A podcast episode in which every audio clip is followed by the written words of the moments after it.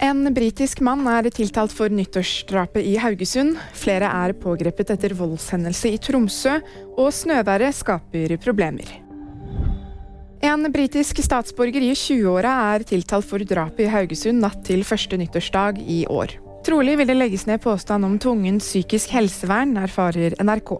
Den siktede skal ifølge en sakkyndig rapport ha en diagnose som tyder på utilregnelighet, ifølge NRK. Det var natt til 1. januar utenfor et boligfelt at en 28 år gammel Haugesund-mann ble knivstukket utendørs.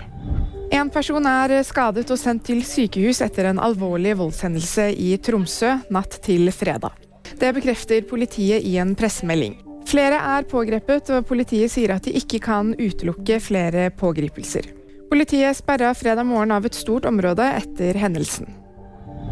Snøbyger preger lille julaften flere steder i landet. Bodø lufthavn stengte av pga. uvær, men er i ferd med å åpne for trafikk. I Molde er det forsinkelser pga. snø i rullebanen. I Møre og Romsdal og i Trøndelag kan det komme en del snø på fredag. Det melder meteorologene på Twitter. Det er sendt ut gult farevarsel for begge stedene. VG-nyheter fikk du av meg, Ingrid Alice Mortensen.